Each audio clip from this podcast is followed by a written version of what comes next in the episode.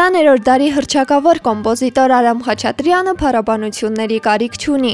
Փոքր Հայաստանի մեծագույն կոմպոզիտորն իր ժողովրդին նվիրել է անսպար հանճարը, բայց ամեն ինչ սկսվել է ոչ այդքան միանշանակ եւ կանխատեսելի։ Ծնվել է 1903 թվականի հունիսի 6-ին աշխարի ամենաերաժշտական քաղաքներից մեկում՝ Թիֆլիսում։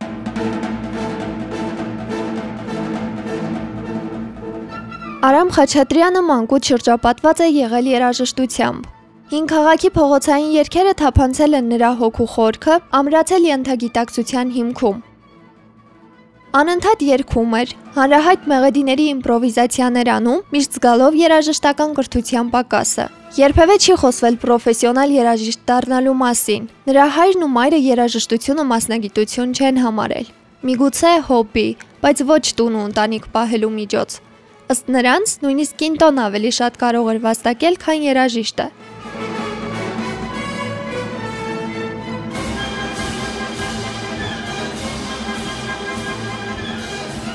Ահա եւ ստացվել է, որ Արամը ստիպված է եղել Բեռնակիր աշխատել եւ կենսաբանություն ուսումնասիրել Մոսկվայի պետական համալսարանում։ Նա նոտաները սովորել է միայն 19 տարեկանում եւ ասում են այնքան մեծ է եղել իր սերը երաժշտական նոտաների հանդեպ, որ իր շան անունը դրել է Լիադո։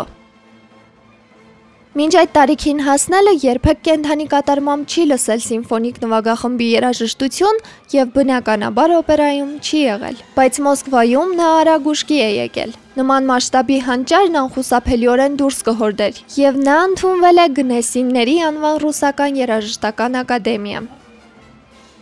Երաժշտական ուսումնարանում ուսումն ընթացել է կենսաբանության խորիմաստություններն ուսումնասիրելուն, աշխատելուն զուգահեռ։ Մի անգամ սոլֆեջիոյի դասախոսն այլևս չի կարողացել նայել աշակերտի վնասված ձեռքերին եւ բառացիորեն ստիպել է սկսել զբաղվել կրկնուսույցի գործով, որը թեև ավելի վատ էր վարձատրվում, քան բեռնակրի աշխատանքը, բայց գոնե մատերը չէին վնասվում եւ երաժշտությունը չէր դժում։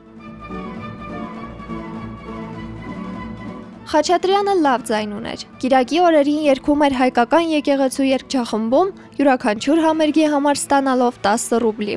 Դա էլ դարձավ մեծ կոմպոզիտորի ճանապարհի սկիզբը։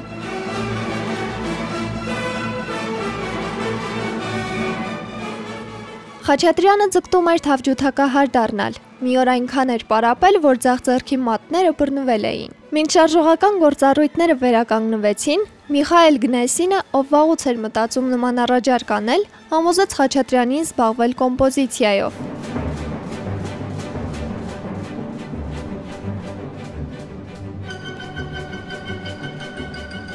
Հայրենական մեծ պատերազմի ժամանակ Խաչատրյանը որպես ազգային արժեք տարհանվել է Պերմ։ Նրան բնակեցրել են հյուրանոցի փոքրիկ համարում, բայց հասկանալով, որ մաեստրոին դաշնամուր է անհրաժեշտ, նրան ավելի մեծ սենյակ են տրամադրել։ Բեռնագիրներն ամբողջ օրը չարչարվել են փորձելով դաշնամուրը խցկել սենյակ։ Վերջապես մի կերպ կարողացել են եւ Խաչատրյանն իսկույն նստել է դաշնամուրի մոտ։ Կես տարի անց գրվել է Գայանե բալետը եւ գործիքավորվել նվագախմբի համար։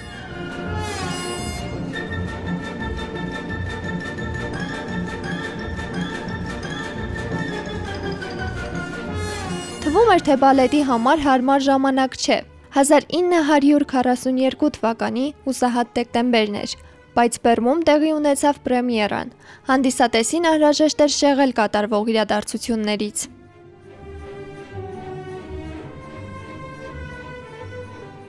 Խաչատրյանը փորձում էր բաց չթողնել իր ստեղծագործությունների փորձերը եւ ներկայացումները։ Նրա համար շատ կարևոր էր, որպեսզի երաժշտությունն այնպես հնչի, ինչպես ինքը հեղինակը զգացել է այն ստեղծելիս։ Երբ նա վերջին անգամ Երևանում դիտել է Սպարտակը, ոչ մեծ անախորժություն է պատահել։ Խաչատրյանը չի նստել մինչև առաջին գործողության վերջ։ Դուրս է եկել դահլիճից, նրան սկսել են որոնել եւ գտել օպերայի հարակից սրճարաններից մեկում խիստ բարկացած։ Պարզվել է, որ նրա ստեղծագործությունը համարցակվել են կրճատել 4 տակտով։ Մաեստրոյի վիրավորանքն անցել է, բայց ոչ շուտ։ Նա սիրել է աշխատել գիշերները։ Երբ նա աշխատում էր, Երևանում բոլոր ճկնողները հասկանում էին, որ իրենց բախտ է վիճակվել դառնալ հանճարի ստեղծագործելու ընթացքի ականատեսը։ Նման մի ամառային երեկո, երբ նա ավարտել է նվագելը, անսպասելիորեն ներքևից ծափահարություններ է լսել։ Փողոցում բազմություն էր հավաքվել։ Այդ գիշեր Արամ Խաչատրյանն ավարտել էր աշխատանքը հայկական խորհրդային սոցիալիստական հանրապետության պետական օրհներգի վրա եւ կատարելիս է եղել դրա վերջնական տարբերակը։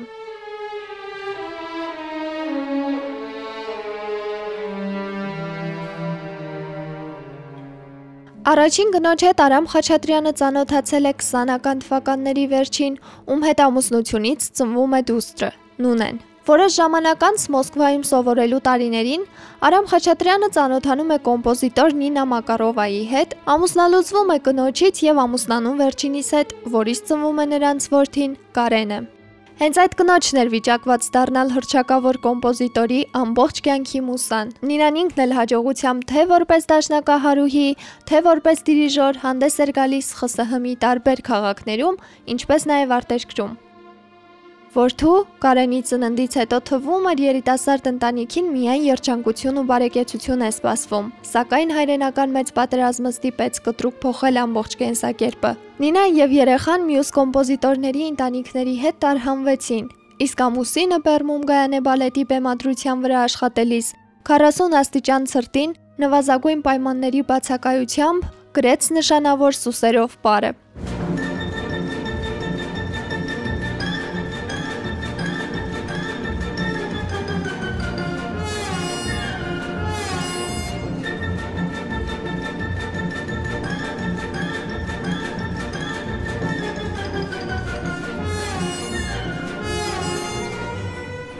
Կոմպոզիտորը մահացել է 1987 թվականի մայիսի 1-ին երկարատև ծանր հիվանդությունից։ Համաձայն նրա վերջին ցանկության, Աջունը տեղափոխվել է Երևան։ Նա այսօր էլ շարունակում է մնալ աշխարհի բեմերը գրաված, հայկական ոգու հենքի վրա ստեղծված համամարտկային գոհարների հեղինակը, որոնցով սահմանեց չափանիշ, Երաժշտական մեղեդու միջոցով փոխանցեց հայկական ոգին ու տաղանդի ողջ ուժով հայ երկարվեստը խոյացրեց դեպի վեր, հավերժության եւս մեկ դուր բացելով եկող սերունդների արչև։